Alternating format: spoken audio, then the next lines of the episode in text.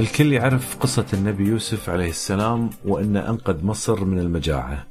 اليوم القصة هذه تتكرر مرة ثانية بطريقة مختلفة وبطريقة علمية. في أقصى شمال الكرة الأرضية وفي جزيرة سفالبارد المغطاة بالثلوج التابعة للنرويج هي أرخبيل يعني مجموعة جزر آه، هي واحدة من الجزر هذه. تبعد عن القطب الشمالي تقريبا 700 ميل. وفي عمق 120 متر داخل الجبل أكو جبل موجود في هذه الجزيرة في عمق 120 متر إلى الداخل بالعرض يعني مو بال... إلى الأسفل تصل درجة الحرارة فيه أقل من الصفر. النرويج بنت خزينة محصنة من العالم الخارجي سواء كان من الكوارث الطبيعية أو من التغير المناخي أو من سقوط نيزك من السماء نيزك مدمر أو من كوارث غير طبيعية أو من الحروب أو من الإشعاعات الناتجة من الانفجارات النووية.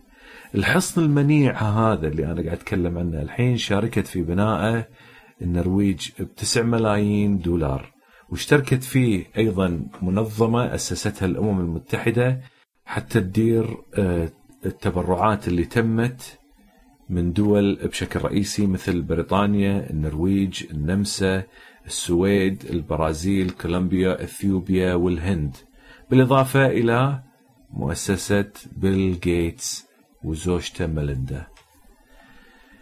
عندهم هم مؤسسة وهاي المؤسسة آه، تبرعت بأموال لهذا لهذا الخزينة.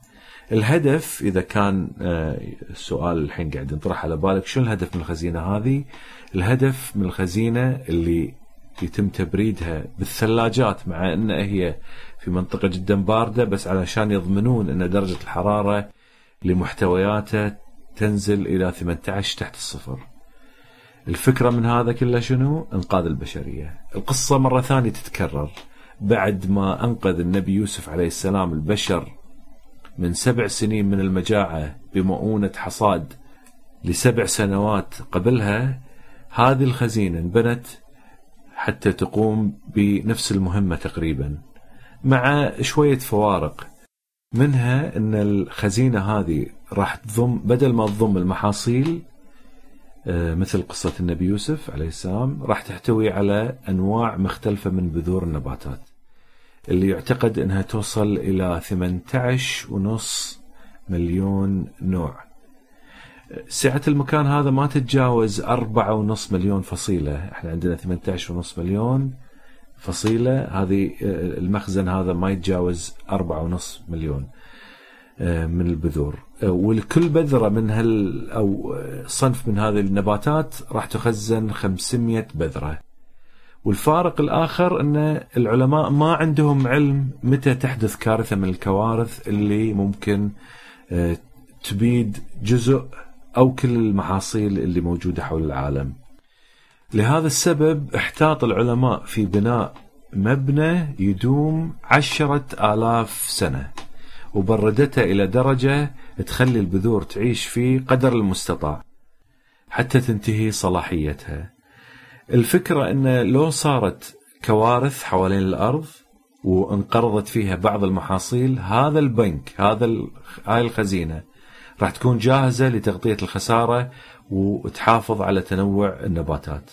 للعلم تاريخيا كان هناك أكو 7000 نوع من النباتات نتغذى عليها إحنا اللي هو الإنسان.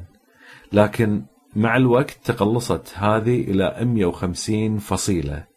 لذلك من المهم الاحتفاظ بهذه البذور حتى وإن كانت ما تزرع حاليا لكن في المستقبل قد تزرع خصوصا إذا مثلا أنواع من هذه البذور فصائل من نوع معين من النباتات انقرض أو صار له مرض ممكن يستبدل ببذور من فصائل ثانية.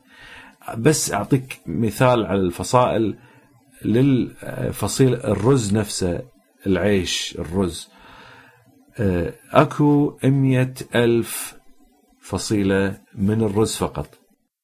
هذه الخزينة سموها بالخزينة الدولية للبذور سفالبارد ولقبت بخزينة يوم القيامة أو يوم الهلاك. افتتحوا الخزينة هذه في 26 فبراير 2008 وبعد ما آه، هذا بعد آه، مرحلة بناء بدأت في 19 يونيو 2006 يعني 19 6 2006 وبعد مرور سنة من افتتاح الخزينة في سنة 2008 أصبحت الخزينة تحتفظ بثلث أنواع أهم أنواع البذور في العالم. مو مو ثلث البذور في العالم لكن ثلث أهم الأنواع آه، للبذور اللي موجودة في العالم.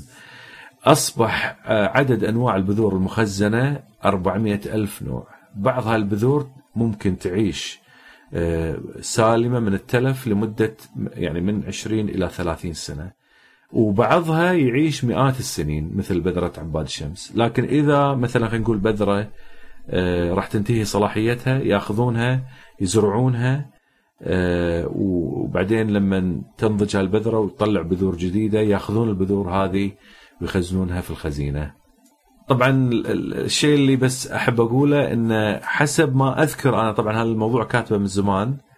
آه، حبيت أستغل الفرصة بما إني كاتبه على أساس إني أحطه في البودكاست. ولكن في ذيك الأيام ما أذكر وحتى يمكن الحين ما يعني بس المعلومة تحتاج إلى تدقيق ما أذكر انه آه، دولة من الدول العربية سوى مصر لها آه، يعني يد في الإدارة آه، يعني وجودها على الإدارة هذه. لكن كتبرعات ما أعرف عن دولة عربية تبرعت وكتواجد واشتراك في هذا الموضوع أيضا ماكو ما قد أكون مخطئ أنا ما أدري يمكن أشياء تصير من تحت لتحت أنا ما أعرفها بس اللي قريته عن هذا الموضوع ما شفت شيء من هالقبيل مع أنه قصة النبي يوسف عليه السلام إحنا بالذات نقراها في القرآن الكريم على طول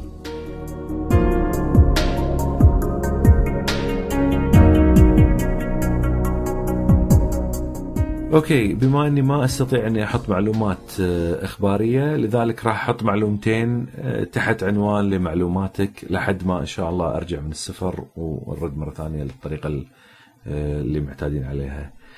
أول نقطة في شغلة أنا وايد أتأذى منها ما أفهم لها لحد الحين بشكل مضبوط اللي هي قضية الكتابة. تعرفون لما واحد يكتب الكلام اللغ يعني الكتابة اللي الكلام باللغة العربية ويحولها إلى حروف إنجليزية. مثلا يكتب على يحط ثلاثة لا ال اي على أساس إن هذه فأنت تقراها اللي يعرف حرف الثلاثة رقم الثلاثة.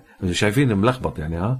لأن تلخبطني هالشغلة هذه ولما أقرأ على طول أحد يدز لي message SMS فيها لغة عربية إنجليزية كذي مشمش مخربطة أتلخبط وأطفي ال message ما ما أعرف لها. لقيت الحل أخيرا. الحل لقيته في جوجل. جوجل عندهم أنا حطيت ال link على صفحتي آه، صفحة التكريف. spaces.live.com تستطيع إنك توصل حق الجوجل يسمونه transliteration يترجم هالكتابة هذه إلى اللغة العربية فأستطيع إني أقراها. الحمد لله.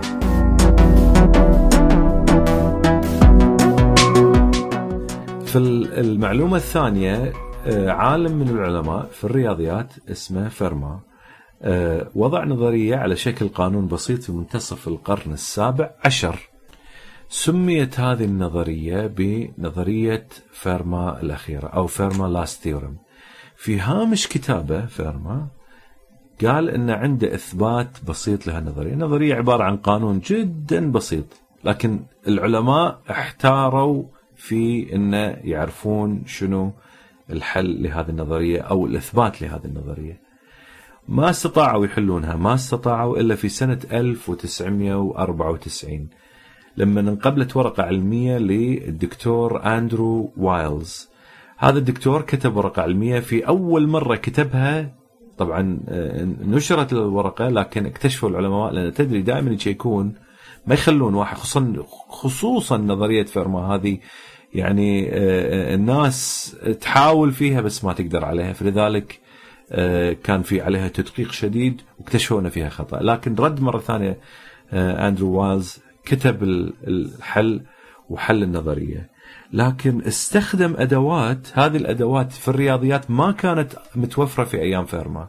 لذلك يعتقد أن فيرما ما كان صادق في الكلام اللي قاله. عند هذه النقطة أنا أتوقف وأكلمكم المرة الجاية. راح يكون راح تكون الحلقة عن الفيروسات وال spyware وال trojan horse والاشياء هذه اللي يسمونها تحت مظلة malware آه، اللي أنت تواجهها على الكمبيوتر بس أغلب الناس ما تعرف شنو الفروقات بينها. نتكلم فيها بشكل موجز حتى تكون عندك فكرة وشلون تعالجها بشكل عام يعني بشكل مبسط. اشوفكم المره لا تنسون تسجلون بالآيتونز لا تنسون عندي فيسبوك آه اللي هو على أساس أن تضيفون آه أنفسكم حتى تتابعون إذا في حلقات جديدة.